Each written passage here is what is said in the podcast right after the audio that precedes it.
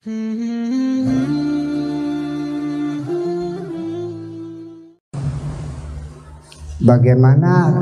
anak-anak kita akan berhubungan dengan bank ketika MUI memberikan fatwa bahwa bank konvensional itu haram. Ini menjadi persoalan, ya kan? Bank konvensional itu diharamkan. Fatwa ini mah bukan undang-undang tapi fatwa. Tapi kan membuat kita jadi tidak nyaman kaum santri nih ya kalau kita pinjam uangnya haram usahanya kan jadi haram juga kan? Nah, kalau haram kan berarti tidak halal. Nah itu saya kira ini bukan hambatan agama tapi hambatan sosiologis. Jangan salah tafsiran. Nah Kenapa demikian? Ya karena dalam bank itu ketika kamu pinjam uang di bank umpamanya 100 juta. Kan ada bunganya. Berapa sekarang? 1,3. 1,3. Berarti kalau kamu utang 100 juta tiap bulan kamu bayar bunga 1 juta 300 ribu. Kan begitu? Nah, ini dianggapnya adalah riba karena bunga. Yang jadi masalah kalau bank itu haram, dari mana kita mendapatkan modal? Pertanyaan sangat mendasar. Islam itu itu dulu orang kalau pinjam sejuta ya kembalinya satu juta. Tidak boleh ada bunga. Harus diketahui oleh anak-anak sekalian bahwa dulu uang itu dicetaknya bahannya dari logam mulia perak, tembaga, dan emas. Sehingga kalau orang utang satu seribu dirham lima tahun kemudian dikembalikan seribu dirham lagi itu nggak ada masalah karena harganya tetap. Tetapi sekarang uangnya berupa kertas apa berupa emas? Kertas. Dan uang kertas ini rawan dengan susut nilai namanya inflasi Berapa angka inflasi hari ini sekarang ini itu bervariasi tergantung pertumbuhan ekonominya. Nah, kita singkat saja bicara. Kalau saya pinjam uang sama Bapak Haji Hamzah 100 juta. Harga motor apa yang 25 juta nih? Handmax. Nah, dapat handbag 4 ya. Lima tahun kemudian saya bayarkan 100 juta lagi. Nah, lima tahun kemudian motor handbagnya berapa harganya? 40 juta. Iya. Berarti Pak Haji Hamzah menanggung rugi. Mungkin nggak orang punya uang menanggung rugi? Nggak masuk akal. Itu. Jadi sebagai pengetahuan dasar saja soal pinjam meminjam ini harus dibedakan. Ada namanya pinjaman konsumtif ada pinjaman produktif. Kalau pinjaman konsumtif itu kita tidak boleh meminta keuntungan apa pun. Karena buat beli susu buat anaknya betul ketega banget minta bunga. Buat beli beras buat makan buat beli obat karena sakit itu tidak boleh gitu. Tetapi ketika pinjamnya untuk usaha Pak Haji Hamzah minjamin uang kepada saya satu miliar selama lima tahun uang saya sudah menjadi tiga miliar dan saya kembalikan lagi satu miliar ya terlalu goblok yang punya duitnya. Dan ini tidak mungkin terjadi kan? Jadi kalau seandainya uang itu untuk usaha pinjaman produktif maka logis sekali yang punya dana juga mendapat keuntungan gitu. Sekarang saya ingin bertanya menguji kecerdasan anak-anak kita ada dua macam pinjaman produktif dan konsumtif. Kalau konsumtif tidak boleh ada keuntungan. Kalau produktif logis ada keuntungan. Sekarang umpamanya ini Pak Rahmat pinjam uang kepada saya untuk beli susu anaknya karena ibunya tidak keluar asinya tidak keluar. Katakan sajalah 100 ribu pinjamnya banyak-banyak ya jangan 100 juta 100 ribu aja. Setelah tiga bulan kemudian dia kembalikan kepada saya. 100 ribu lagi. Pertanyaannya saya berdosa enggak kalau dikembalikan lagi tiga bulan kemudian 100 ribu lagi, saya berdosa enggak? Kalau saya minta bunga menjadi 130 ribu, itu namanya riba, itu namanya dosa. Sekarang beliau kembalikan pada saya 100 ribu lagi, saya berdosa enggak? Berdosa berdosa. Dari mana dosanya? Karena ini urusan bayi harus minum susu adalah urusan kemanusiaan, bukan dipenjami tapi harus dikasih gratis. Tuh. Udah? ya cerdas. nah, iya dong gimana enak aja. Kalau orang miskin tidak dikasih, makanya maka legal seorang miskin bisa mencuri dan merampok untuk mempertahankan hidupnya. Ya, Sayyidina Umar pernah menangkap orang mencuri korma. Ketika diproses, kenapa mencuri? Keluarga saya belum makan, dilepasin kok. Sudah pulang sana.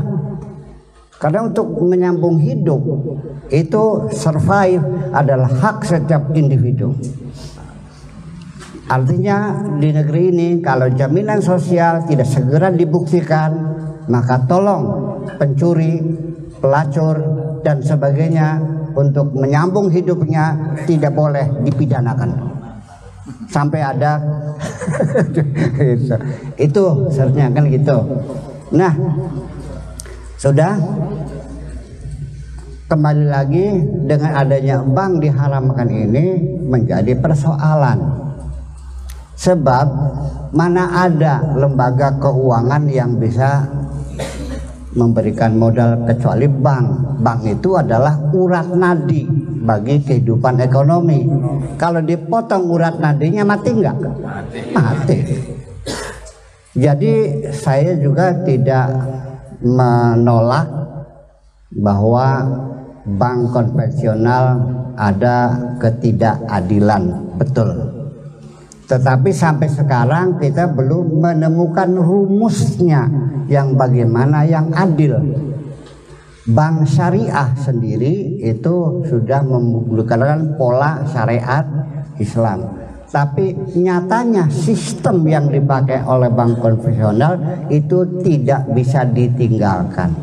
Sehingga ternyata prakteknya hanya beda terma saja, beda istilah kalau di bank konvensional namanya bunga, kalau di bank syariah namanya musyarakah.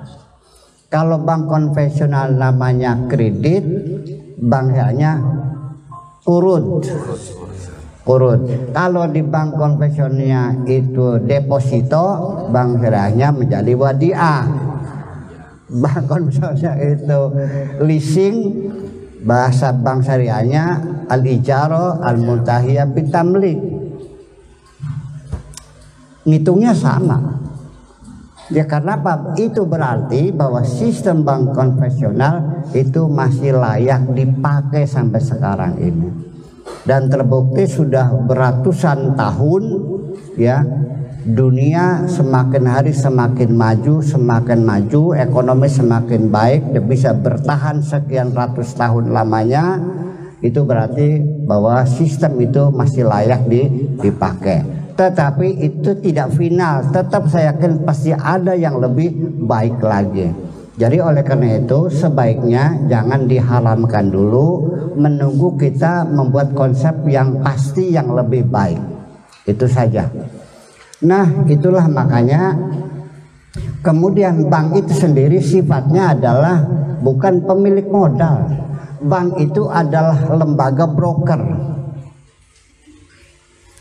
Pak Rohmat mau jual tanah. Pak Haji Hamzah mau beli tanah. Saya mempertemukan orang yang mau jual tanah dengan yang membeli tanah. Saya dapat duit enggak? Dapat duit enggak pekerjaan saya sebagai apa namanya? Broker atau calo. Dua setengah persen dari penjual dua setengah persen dari pembeli. Itu logika. Nah bank juga sebetulnya itu bukan bukan miliknya bank. Itu duit dari orang yang punya uang lebih disimpan di bank namanya kredit. Ya kan? Kalau orang yang butuh modal pinjamnya di bank namanya eh, itu deposito. Yang ini yang butuh uang pinjam di bank namanya kredit.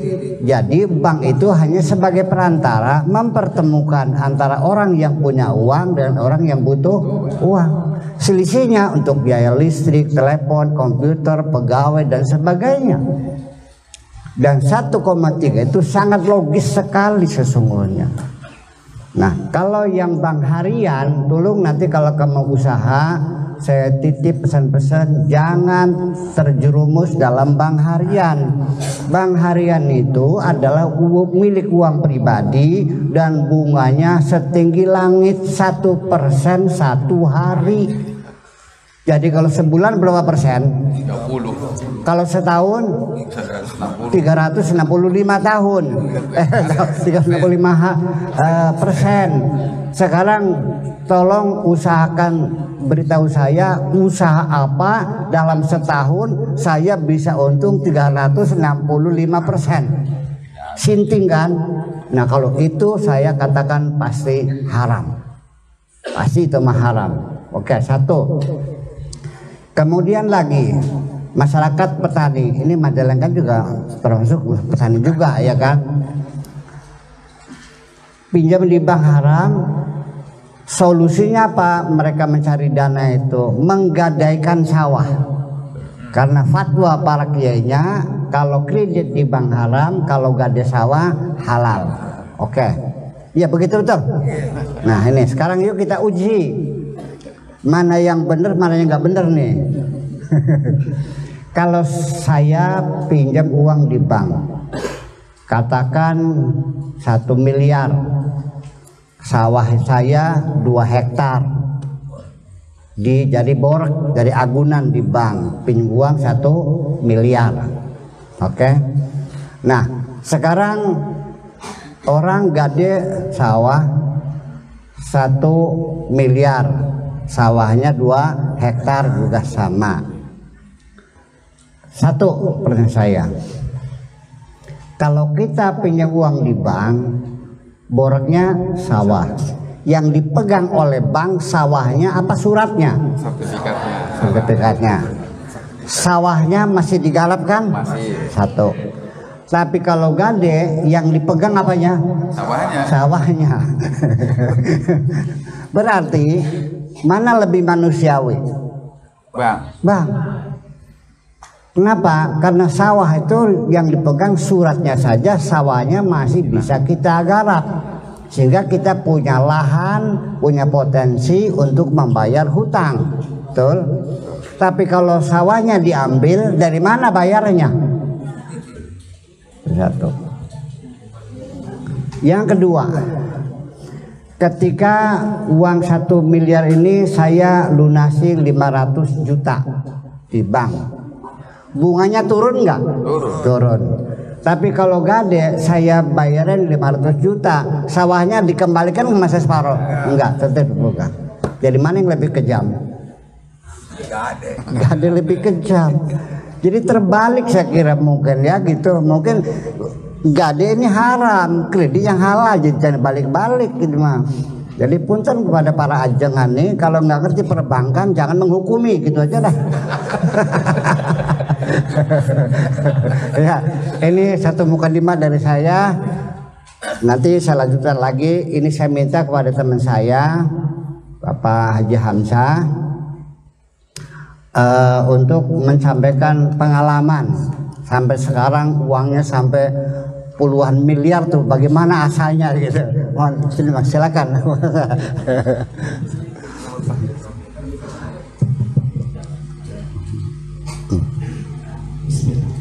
Assalamualaikum warahmatullahi wabarakatuh. Waalaikumsalam. Eh, sebelumnya saya mohon maaf apabila nanti pengalaman dari saya pribadi tidak begitu rinci karena memang keterbatasan waktu.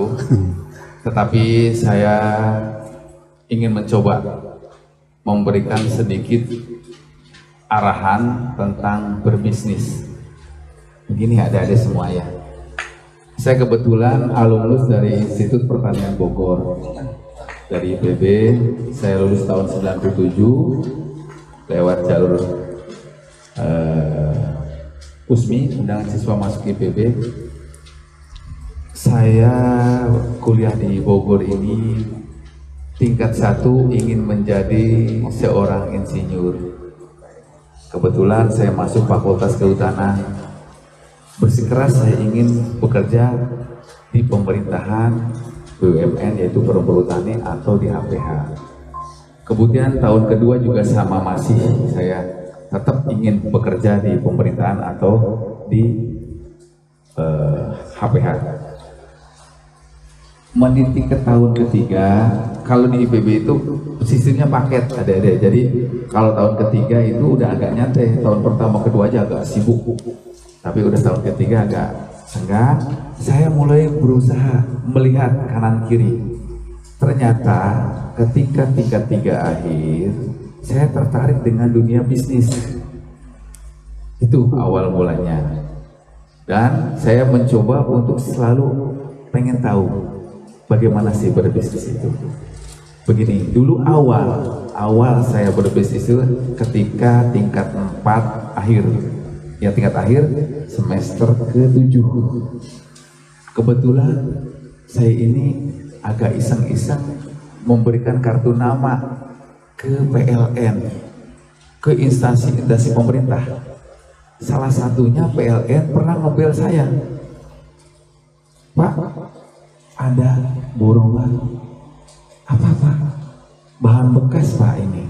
Oh bahan bekasnya apa? Bekas kabel-kabel Pak. Mau ikut tender?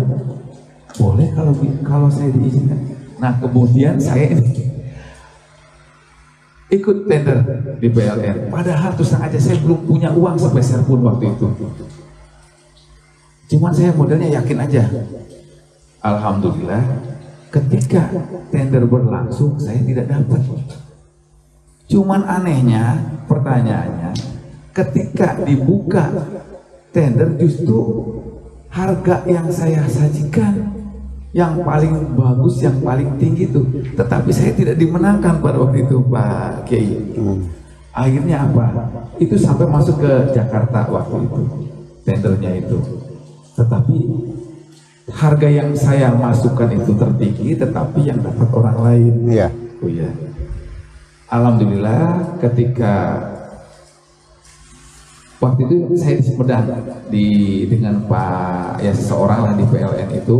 Kemudian beliau itu akhirnya ketika tidak diloloskan calon dari Sumedang ini akhirnya beliau ngambil kesimpulan sendiri barang tidak ditarik semua ke Jakarta waktu itu. Pakai jadi akhirnya lelang di Sumedang. Kebetulan waktu itu lelangan sangat besar sampai mencapai 400 juta Buya saya sendiri tidak punya uang 5 juta pun tidak punya uang. Cuman saya berpikir cerdas. Inilah, tolong mohon disiasati ya, disiasati. Jadi pembicaraan saya ini mohon agak di sedikit disiasati sama adik-adik. Kenapa? Keberanian saya ini bukan berani yang berani yang tidak beralasan. Kenapa? Uang hanya kepegang 5 juta, orderan 400 juta. Bagaimana harus bisa meraihkan seperti itu? Agak sulit untuk mewujudkan kan? Jauh panggang ke api. Tetapi apa? Saya terus saja, saya ber, berpikir cerdas, berpikir pintar. Saya ada kenalan yang memang itu bos untuk menerima barang bekas tersebut. Saya gandeng, saya unjukkan, percaya ke saya. Alhamdulillah barang yang sekitar 15 ton, 20 ton itu akhirnya di DP dengan uang 60 juta saja mau dibawa ke rumah ke gudang di perapatan. Dan setelah ditimbang selesai semua disaksikan oleh bos pemilik perusahaan akhirnya barang itu setelah ditimbang semua dibayar tunai. Tapi yang jelas saya menggandeng seseorang yang punya modal waktu itu. Karena memang saya terus terang bu ya hmm. belum belum punya uang se sejumlah itu. Dan itu tahun 96 sebelum saya lulus. Uang dari mana saya 96 sebanyak itu belum ada. Alhamdulillah setelah itu ditimbang-timbang saya kaget bu ya. Hmm. sekalinya bisnis untung banyak sekali bu ya. Saya juga sampai kaget menghitungnya kok untungnya banyak sekali ini setelah ditimbang selesai, itu dibayar tunai dengan orang PLN, PLN sudah selesai, itu saya akan berupaya bertransaksi dengan orang tersebut Bu ya. Bertransaksi. Karena pada waktu saya menarik Ibu Haji Eni lah saya sebut aja ya Bu ya. Bu Haji Eni dari Tegal. Setelah ditimbang selesai, karena kan kita sudah komit janji uh, harga barang tersebut. Selisihnya lumayan cukup banyak. Dan alhamdulillah setelah itu Buya saya kebagian 20 juta Buya. Hmm. Untungnya saya juga kaget. Kok baru dagang untungnya besar sekali. Tapi alhamdulillah Buya, hmm. pertama sekali itu saya laksanakan Buya, saya ingat. Saya tidak harus dua setengah persen, saya 10 persen Buya, saya sumbangkan. Dan saya terus aja waktu itu. Beli beras 10% dari bahkan bukan bukan 10% saya menyisikan iya 10% karena saya sisihkan tuh 2 juta setengah membeli beras. Dan itu dibagikan ke tetangga. Jadi dari hasil itu bukan mutlak untuk saya pribadi. Saya ingat ada bagian yang memang harus saya keluarkan. Waktu itu saya sengaja bu ya dari 20 juta itu saya belikan 2 juta setengah Bu ya. Nggak tahu dasarnya dari mana karena pemahaman agama saya memang nggak begitu ini tapi saya belikan 2 juta setengah beras. Maksud saya beras ini langsung saya bagikan. Waktu itu hampir berapa ini ya kalau 96 tuh harga beras itu ya, ya. ya itu hampir sekian bungkus lah 600, banyak itu. 600 perak lah. Nah segitu jadi banyak itu. Nah berawal dari situ kemudian Alhamdulillah adik-adik saya ini menekuni dunia barang bekas terus-terusan. Dan dari awal punten ini perjuangannya cukup luar biasa. Saya dari keuntungan dari mulai 25 rupiah per kilo itu belajar disisikan. Dari mulai produksi hanya 10 ton 25 rupiah per kilo 10 ton satu bulan. Itu kan berarti 250 ribu ya. Hmm. ya itu saya sisihkan. Terus beranjak ke 50 ribu eh 50 rupiah. Beranjak 50 rupiah per kilo diambil dari keuntungan. Pama saya untung tuh 200 rupiah. Itu jadi 150 saja. Saya itu ngambil keuntungan. Tonase cuma 10 kemudian bertambahnya waktu seiring terus menerus sampai pun saya pada titik 300 ton per bulan produksi saya. Itu sudah lumayan cukup. 300 ton per bulan 50 rupiah per kilo itu kan jadi 15 juta. Iya. per bulan itu. Terus bertambah saya tambah lagi 75 rupiah per kilo. Ternyata adik-adik puntennya uang yang sedikit. Itu tidak ada artinya. Mungkin ada jatuhan di tanah juga 100 rupiah nggak bakalan diambil lah. Kayak dianggap angin lalu tetapi kalau pengaliannya sudah 300 ton itu lu- luar biasa dan Nah itu belajar belajar ikhlas kita ketika hal yang sepele tetapi ketika berkalinya dengan 300 ton. 300 ton itu berarti 300 ribu kilo. Nah kalau udah kali 300 ribu kilo kali 100. nah, kali 100 kemudian saya bertambah kali 100 itu. Udah 30 juta per bulan. Nah itulah selisih-selisih dari hasil usaha untuk kalau saya nyebutnya dana umat seperti itu. Dana umat.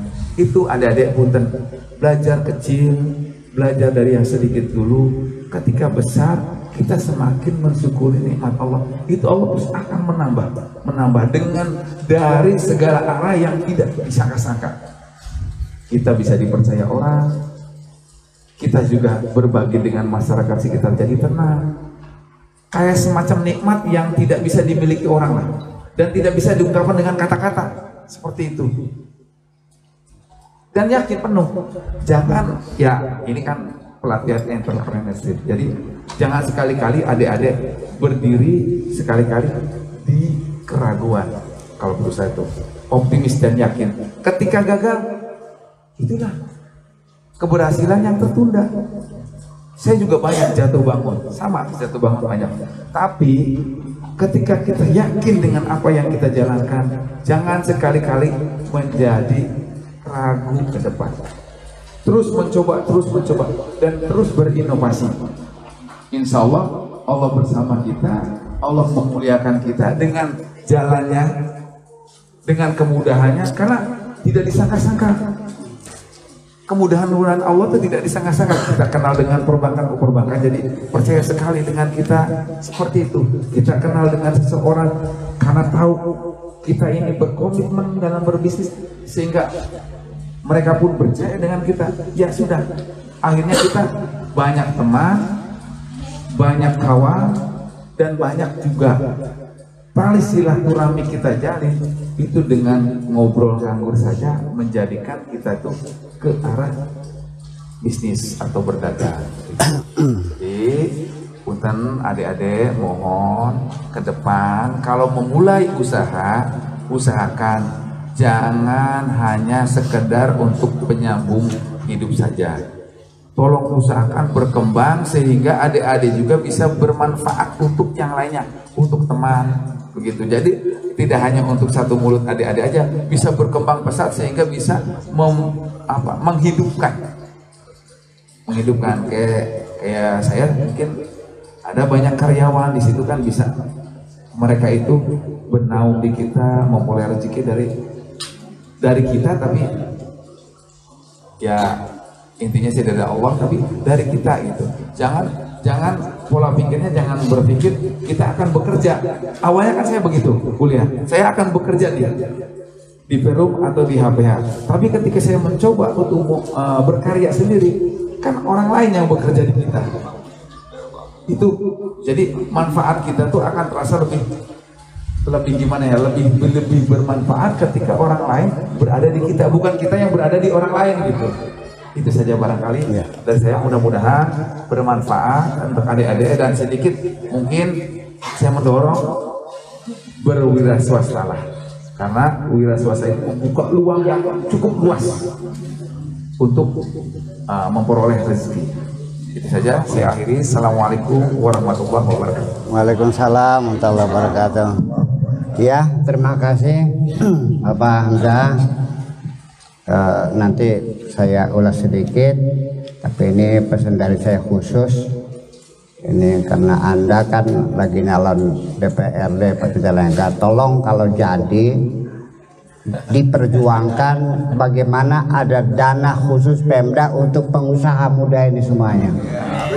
Iya dong, iya dia dialokasikan So bagaimanapun undang-undang ini ya di, di berapa persen gitu, berapa 500 5 miliar atau 100 miliar untuk pengusaha muda itu. Dengan bunga yang sangat ringan sekali namanya soft loan ya untuk Pemda yaitu 4% setahun. Itu standarnya 4% setahun. Iya kalau ini kan berat. Nah kemudian dari tadi ceramahnya mohon maaf saya minta izin untuk saya ulas. Ternyata modal yang beliau miliki ini sampai menjadi apa kaya raya ini satu modalnya keyakinan. Tadi itu tersirat itu dua. Jadi memang pada akhirnya dana atau uang itu begini logikanya. Sebenarnya anak-anak sekalian bukan kita yang mencari uang, tapi hakikatnya uang yang mencari kita. Sebenarnya yang jadi masalah kita yang bagaimana, orang yang seperti apa yang dicari uang itu yaitu orang yang punya inisiatif. Kalau kamu tidak punya inisiatif, nggak bakal dicari oleh uang. Dulu ada pelebaran jalan di kertas maya tuh. Dibeli oleh pemerintah. Wah, banjir duit di kertas maya pelebaran jalan tuh. Ada yang dapat 500 juta, 1 miliar. Tapi karena tidak ada inisiatif, uangnya didepositokan ke bank yang pinjamnya orang yang punya inisiatif akhirnya. Jadi satu inisiatif dulu dibangun dengan keyakinan kemudian pengalaman spiritual yang beliau jalani ini ada landasannya bahwa berbagi dengan mereka Suatu hari Nabi Muhammad itu mengunjungi sahabat yang terdengar dia usahanya sukses. Lalu ditanya, bagaimana cara kamu mengelola manajemen usaha sampai maju begitu pesat? Dia cerita, ya Rasulullah, saya ini dalam berbisnis dagang nih, keuntungan saya tuh saya bagi tiga. Sepertiga saya nikmati buat anak istri saya sepertiga buat tambahan modal sepertiga buat bagi-bagi sama fakir miskin. Lalu Rasulullah berkata barang siapa pun yang berbisnisnya mengelola uangnya seperti ini saya akan langsung mendoakannya. Paham? Jadi kalau doanya saya ngebul paling juga. Tapi kalau doanya kanjeng Nabi mah pasti dikabul dong.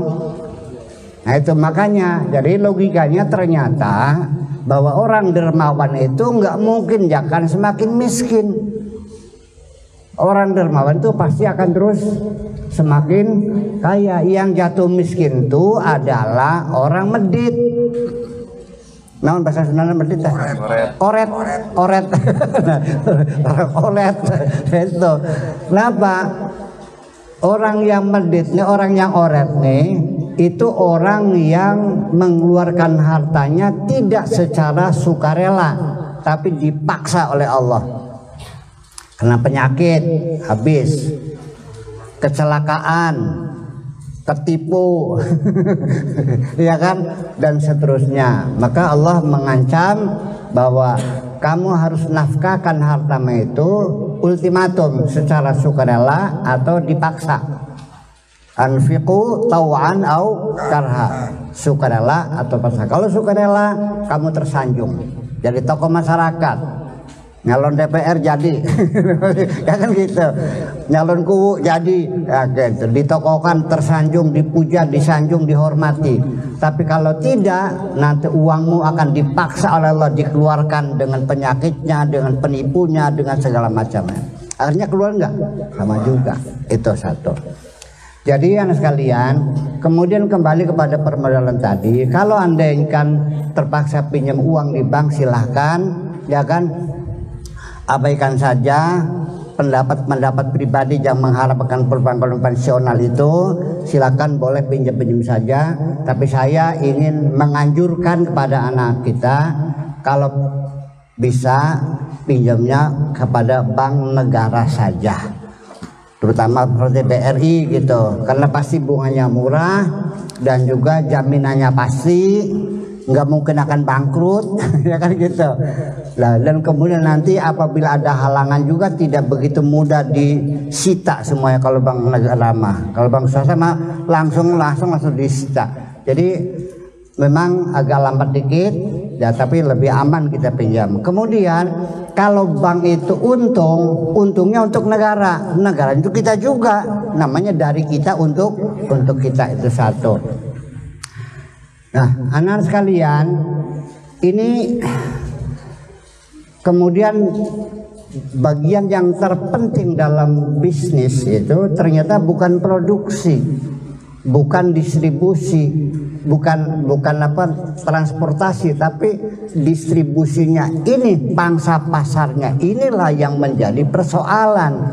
Siapa pun punya duit bisa bikin bisa bikin geblok bisa bikin tape bisa bikin segala macam. Tapi menjualnya ke mana? Nah ini persoalannya. Saya punya ide sejak 15 tahun yang lalu membuat network kerjasama antara pesantren namanya konsorsium pesantren seluruh Indonesia. Kita punya anggota 12.000 pesantren.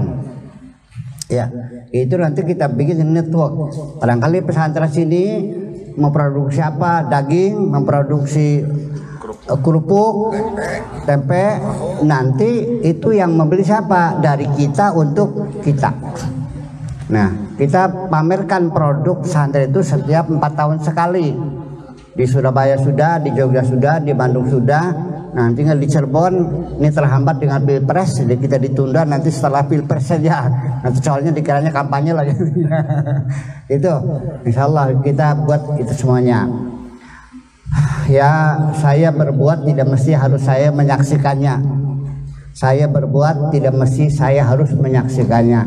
Yang penting saya berbuat, nanti yang menyaksikannya kamu semuanya dalam berbisnis dalam dalam Islam itu kita berbuat apa pun jangan berharap harus menyaksikannya. Ya kata Rasulullah bilang sekalipun engkau tahu besok akan kiamat di tanganmu ada bibit tanamkan saja tidak ada urusan.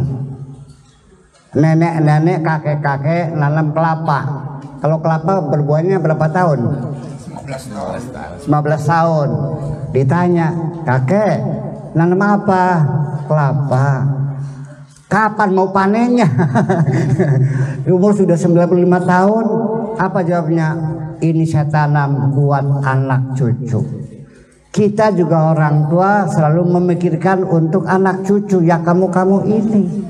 Kami memikirkannya untuk kamu itu. Dan tidak mesti saya melihat kemakmuran kamu. Yang penting kita berbuat sesuatu sekecil apa pun yang penting ber, bermanfaat.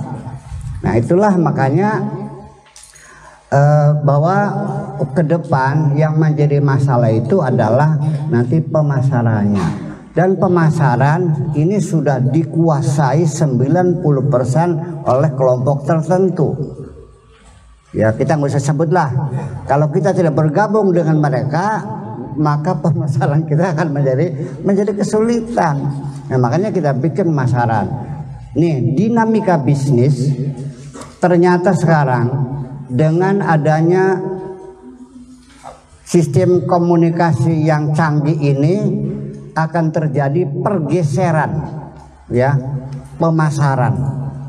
Dengan adanya online sekarang ancaman bagi mall-mall, bagi supermarket. Kenapa? Orang mikir mau belanja sesuatu di mall, pakai mobil, bensinnya berapa, supirnya berapa, jalan tolnya berapa, parkirnya berapa, waktunya berapa. Oke? Okay? Dengan adanya online kita pesan langsung terset belanjaan.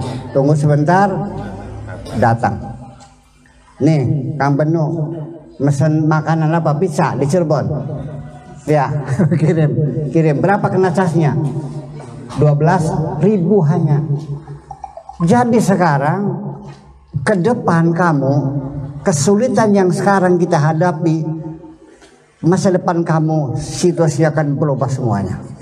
Maka bagaimana memanfaatkan memanfaatkan teknologi yang semacam ini untuk masa depan kamu. Masih banyak harapan kita untuk hidup. Percayalah, satu tanamkan keyakinan bahwa apa pun yang kita lakukan semuanya niatkanlah untuk beribadah kepada Allah Subhanahu wa taala. Sekian saja. Terima kasih. Wassalamualaikum warahmatullahi wabarakatuh. Nggak usah membohongi Tuhan lah. Berputar-putar nggak usah. Kela-kela itu kan membohongi Tuhan. Sekarang gini saja bahwa dalam agama Islam apa saja yang punya nilai ekonomis kalau bisa diselamatkan ya diselamatkan. Kohe bisa dibuat pupuk bikinlah pupuk. Setelah itu dijual. Kamu bukan jual kohe bukan jual kotoran tapi jual pupuk. Selesai. Itu saja kok. Ya ada bangkai di sungai, ada bangkai kerbau. Ada nggak yang punya nilai ekonomis? Apanya itu? Kulitnya, dagingnya dibuang, kulitnya disamak, boleh. Jadi apa saja yang punya nilai ekonomis itu harus di, diselamatkan. Itu eh, itu syar'inya adalah seperti itu. Kemudian begini, kita mau memproduksi apa pun, tolong saya ini tukang mancing hobinya. Kalau memancing kakap umpanya udang hidup.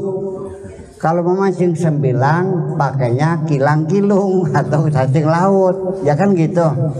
Nah saya itu mau ke laut ternyata tidak memikirkan kesukaan ikan yang saya pikirkan kesukaan saya.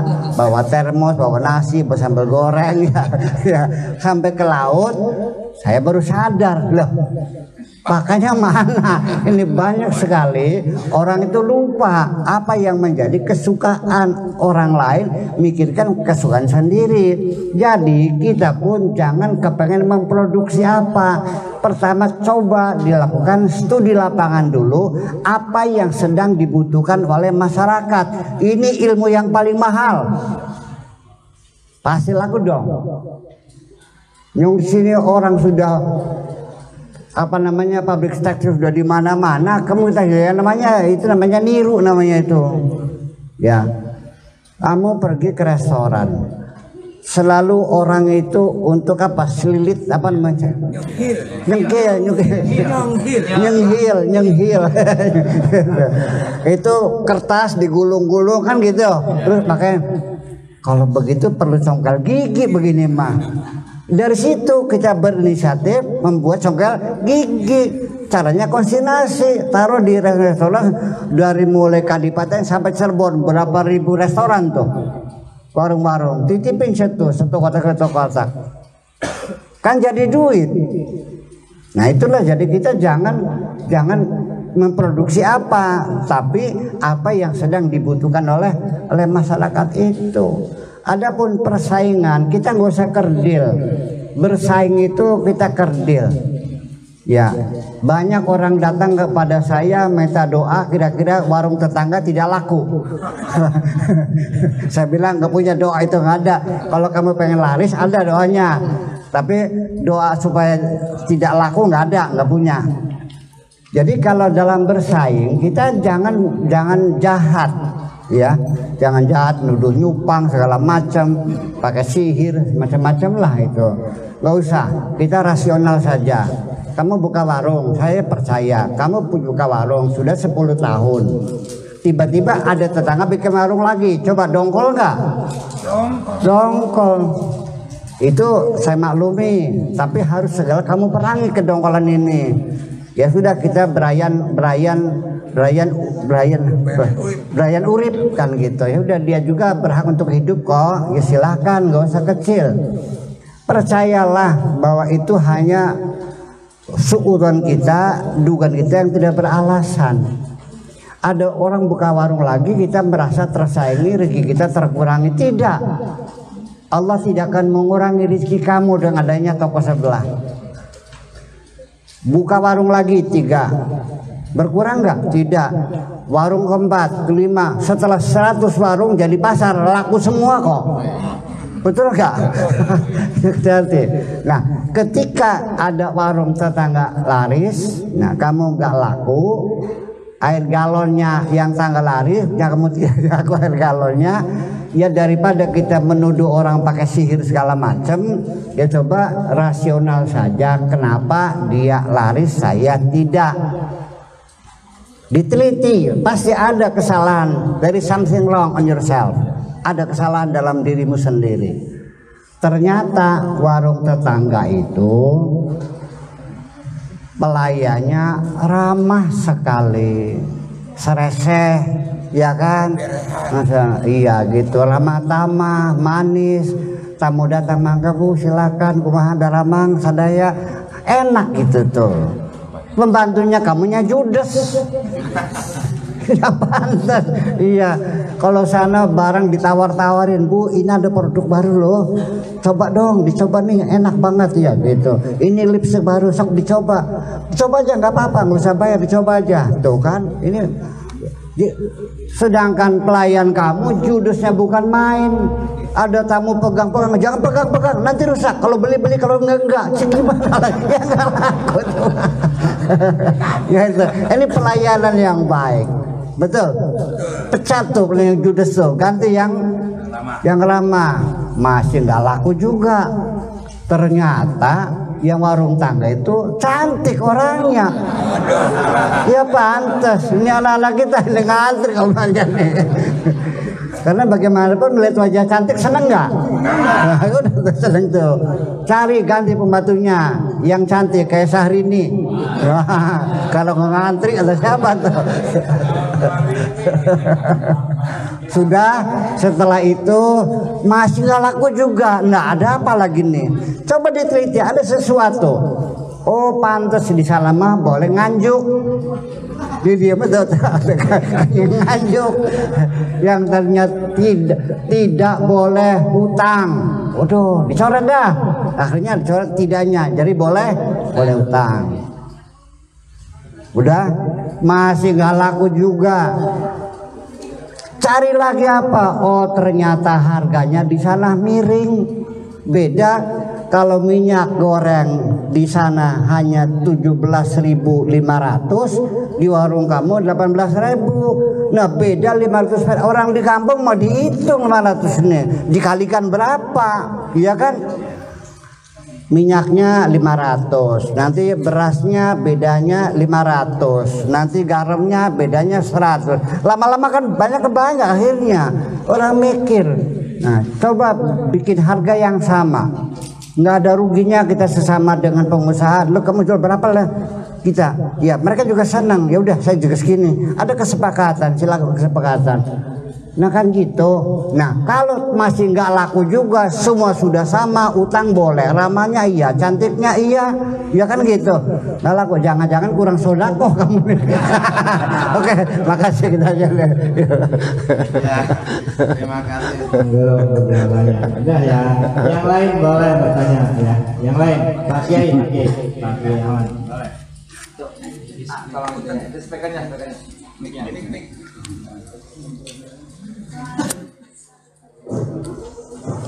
Assalamualaikum warahmatullahi wabarakatuh. Waalaikumsalam. Atas satu foto dalam corona, kuya yang saya hormati, nama saya Haji Ahmad Nawawi dari Babakan. Masalah dunia bisnis Pak Kiai ingin saya menanyakan bisnis ala Rasulullah Shallallahu Alaihi Wasallam. Ternyata beliau juga ahli bisnis Rasulullah mengajarkan kalau bisnis boleh senyum, manis, rewel. Jika si pembeli membeli barangnya kurang duitnya, maka berikan saja. Contoh, misalkan tinggal bubugan harga kaos per biji misalkan 20.000 si pembeli cuman punya uang 18 ribu berikan saja Ini secara logika Buya kan rugi. Kalau kita rujuk ke bisnis Rasulullah, modal awal saja 20 ribu, orang yang membeli cuma punya duit 18 ribu, berikan saja. Kata Rasul, ya siru wala tu'asir. Permudah, jangan dipersulit. Ini maksudnya secara logika akal ini bagaimana Bu ya? Tapi Rasulullah tidak akan rugi. Malah sebaliknya berlipat ganda keuntungannya. Apakah memang ini khusus untuk pribadi Rasulullah?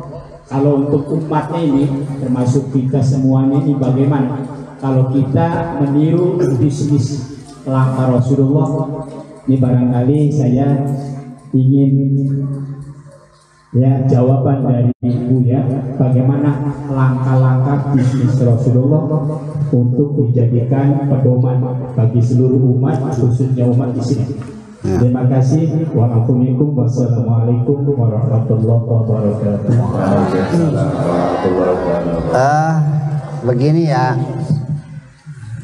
saya belum berani untuk menyanjung kanjeng Nabi sebagai jagoan bisnis. Yang jelas dia Rasulullah lah. Saya tidak berani mengatakan Nabi jagoan perang, panglima perang. Dia Rasul kok tetap. Ya kan begitu aja. Jadi eh, artinya tidak mengurangi penghormatan kepada Rasulullah sehingga hal-hal yang tidak rasional itu nggak mungkin dong kita yakini yang nggak rasional kok mana mungkin orang dagang rugi mau kan gitu. Itu mungkin adalah satu trik saja. Umpamanya begini kita dagang banyak ya. Nah untuk penglaris nih sengaja kita jual murah satu item untuk daya tarik. Itu terjadi bisa jadi Nabi menjual barang murah ini untuk menarik pelanggan satu. Kemudian lagi yang kedua bisa saja kenapa harganya diberikan eh, 20 18 dikasihkan? Mungkin ini sudah restan barang terakhir jadi su menghabisin ya sudahlah yang penting asal kita tidak rugi. Ya yang ketiga 18.000 kita masih ada untung 1000 ya sebetulnya kita jual 20 itu untungnya 3000 karena orang itu tidak punya uang lagi 18 kita kasih. Tetap kita masih punya punya untung. Itu. Yang keempat adalah mungkin untuk mencari rekanan mencari pelanggan dan sebagainya. Saya kira jangan dulu kepada manusiawi. Ya ini bisnis soalnya.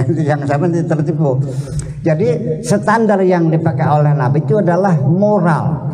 Standar moral yang betul-betul strict sehingga saya katakan bahwa kejujuran adalah mata uang yang berlaku di mana saja Umpamanya ada orang kaya uangnya banyak triliun. Dia mau dipakai bisnis. Maka yang akan dicari adalah pegawai-pegawai yang jujur apa pegawai yang korup. Sekalipun uangnya uang tidak jujur, yang dicari pegawainya yang jujur tetap saja akhirnya mah. Nah itu. Jadi artinya bahwa standar moral inilah yang menyebabkan Nabi menjadi disukai oleh orang sehari reja toko orang Jawa sama toko Cina beda masih ada kejujuran sama toko Cina saya sering beli marong Jawa itu lampu fog tuh. Harganya mahal sampai 250 ribu lampu fog tuh. Baru satu bulan ya ini kamu juga tahu itu hitam semuanya. Ya reflektornya tuh hitam. Itu berarti kan buatan tegal itu tuh. Lah kenapa terjadi? Ya itu tidak kejujuran. Tapi kalau di toko Cina bentuknya sama saya sudah bedakan tapi bilang begini Pak Kaji ini ori ini imitasi kalau ori ini klaker nih harganya 400 ribu kalau ini adalah mitasi harganya 80 ribu saya tidak bisa membedakannya. Baru kelihatan nanti setelah lima bulan kemudian yang asli ya masih bagus, yang ori sudah goyang lakernya. Itulah maka kejujuran. Saya ingin kasih contoh seorang imam mujtahid namanya Abu Hanifah.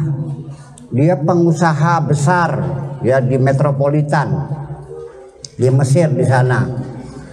Suatu hari ini Abu Hanifah ada orang menawarkan barang.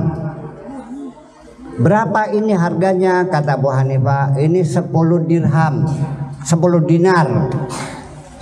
Kata Abu Hanifah, nggak mungkin.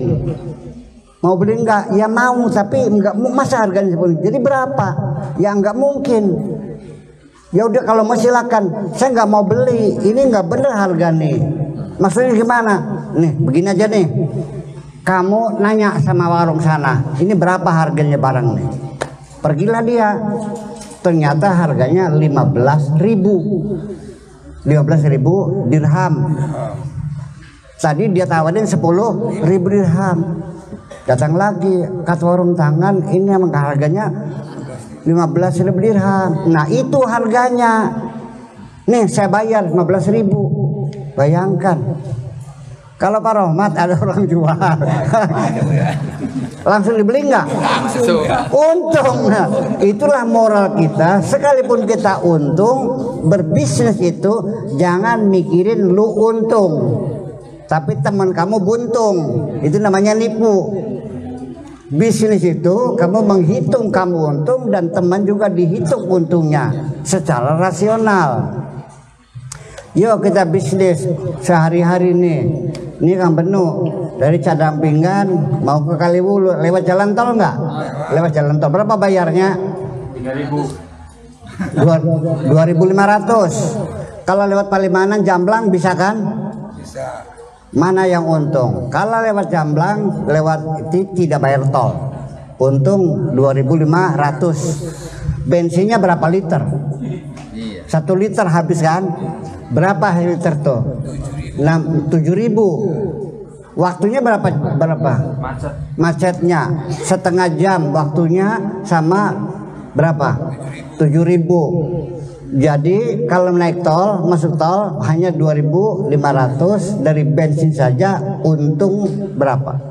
4.500 waktunya untung nggak untung yang punya tolnya juga untung dipakai oleh anda dapat duit 2.500 kamunya untung 4.500 dan waktu setengah jam anda menghemat. Nah itu namanya bisnis. Lu untung gue untung. Nah gue untung lu buntung namanya nipu namanya. Oke begitu lagi kira cukup. Cukup ya. Ah, Tuan Guru saya mungkin yang akan bertanya. Tambahan satu saja ya. Ah, saya bertanya sampai saat ini saya bertanyakan hal itu cuma jawaban yang paling yang tepatnya saya belum menemukan. Nah, saya dengan rekan-rekan suka ber ya ngobrol kecil lah ngobrol ringan. Ini tentang katanya kalau seekor babi melahirkan kambing atau melahirkan ayam berarti kan ayam ayam dan kambingnya keluar dari babi. Ya, ya saya begini analogi begini Pak Kiai. Misalkan seorang pegawai lah atau pejabat korup atau kita misalkan punya uang haram kita usahakan uang tersebut lantas dari usaha itu kan kita memperoleh keuntungan. Ya. Nah lantas keuntungan itu kita terus masukkan lagi ke modal masukkan lagi ke modal. Atau mungkin ada modal dari luar yang halal nilainya kita masukkan ke sana. Nah ini kita eh, ingin artinya ingin ingin membersihkan gitu ingin membersihkan yang pertama saya ingin menanyakan dulu masalah hukum itu yang kedua kalau itu dibersihkan bagaimana caranya terima kasih Caranya begini, gampang nih caranya. Namanya rezeki di alam dunia ini tidak ada yang halal 100%. Mesti sekalipun orang itu beli. Tapi kalau orangnya hanjakal gimana? Tadi baru ada penjaringan sodakoh ya, maksa tuh sampai ke tengah kita sudah berhenti. Nah kalau orang yang sodakohnya itu sambil hanjakal dilemparin, nah halal nggak kira-kira tuh? Jadi sekarang saya nanya, rezeki yang paling bagus itu apa? Ada empat kriteria.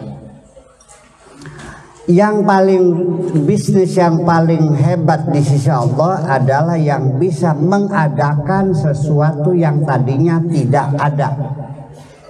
Nggak ada anggur jadi ada anggur. Nggak ada buah pir menjadi ada buah pir. Itu petani. Rankingnya ranking satu petani di sisi Allah. Yang kedua adalah yang mengubah benda itu dari tidak ada harganya menjadi ada harganya. Yang tadinya jelek menjadi bagus. Itu namanya industri. Yang ketiga adalah yang memberikan pelayanan mempermudah distribusi, mendekatkan komoditas antara produsen dan konsumen. Itu namanya pedagang. Yang keempat itu adalah pegawai negeri yang hanya oret-oret saja kerjanya. Tidak menghasilkan apa-apa. itu. Tapi ini semuanya yang paling murni adalah rikinya peta petani. Mari kita korek. Kang Benu punya sawah, nanam padi, bisa ngasih makan masyarakat. Sawahnya dari mana? Beli sama Kak. Jaul ini dari mana? Dari Pak Hamzah. Dari mana? Dari Ahmad. Percaya enggak?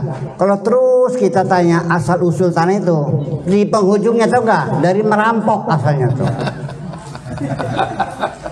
Kekuatan politik yang menentukan. Nah, negara Republik Indonesia punya tanah Sabang Merauke beli di mana tuh? itu adalah kekuasaan politik yang menentukan. Jadi ujungnya merampok juga akhirnya mah. Tapi ya karena selain politik yang menjadi politiklah yang menghalalkan. Betul nggak? Ini HP curian saya beli, saya jual, saya jual. Sampai berapa tangankah menjadi halal? Kita nggak tahu. Asalnya mencuri kok. Nah, jadi kalau pengen tahu yang halal 100% apa? Tunggu hujan datang, buka mulut yang lebar, sejatuhnya air itu yang 100%. Nah, jadi cara kerja keluarnya kita orang santri ini gampang. Kalau pagi setelah jam 9 sholat duha. Minta kepada Allah kalau rizkiku ini ada di bumi wa in kana fil ardi fakhrijhu. Kalau rizkiku di bumi tolong ya Allah keluarkanlah wa in kana ba'idan faqarribhu kalau jauh dekatkanlah. Wa in kana haraman fatahhirhu kalau rizkiku ini haram Allah tolonglah dihalalkan. Kalau yang menghalalkan Allah ya selesai. Saja makasih. Cukup ya, karena sudah ini mendekati ada Cukup ya. Alhamdulillah. Cukup Uh, terima kasih ya uh, penjelasan dari yang terhormat.